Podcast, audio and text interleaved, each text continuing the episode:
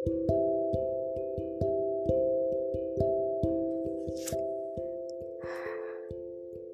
kabar hari ini?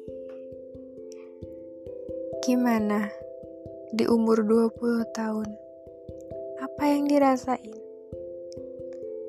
Apa yang jadi beban saat ini? Banyak ya? Sama. Dewasa itu memang berat. Ingat gak sih kalian ketika waktu kalian masih kecil? Pengen cepet-cepet gede katanya. Pengen bisa kerja sendiri, pengen punya uang sendiri, pengen beli apa aja dengan usaha sendiri. Padahal momen itu adalah momen-momen yang paling indah loh. Ketika kita dulu kecil, ketika kita cuma memikirkan, ih matematika ternyata sesulit ini ya.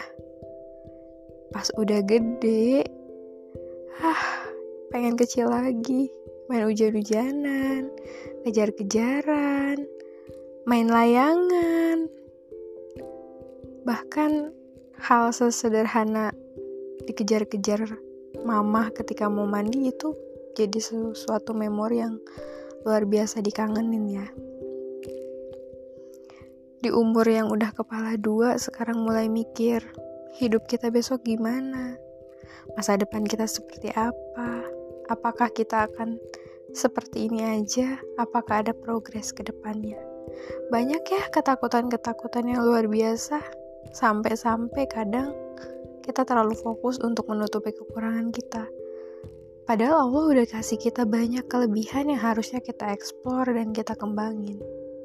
Yaitulah hidup. Kadang kita lupa banget buat bersyukur. Ya, semoga aja sih semakin bertambahnya usia, kita bisa untuk mengembangkan apa yang ada di dalam diri kita ya. Jangan lupa bersyukur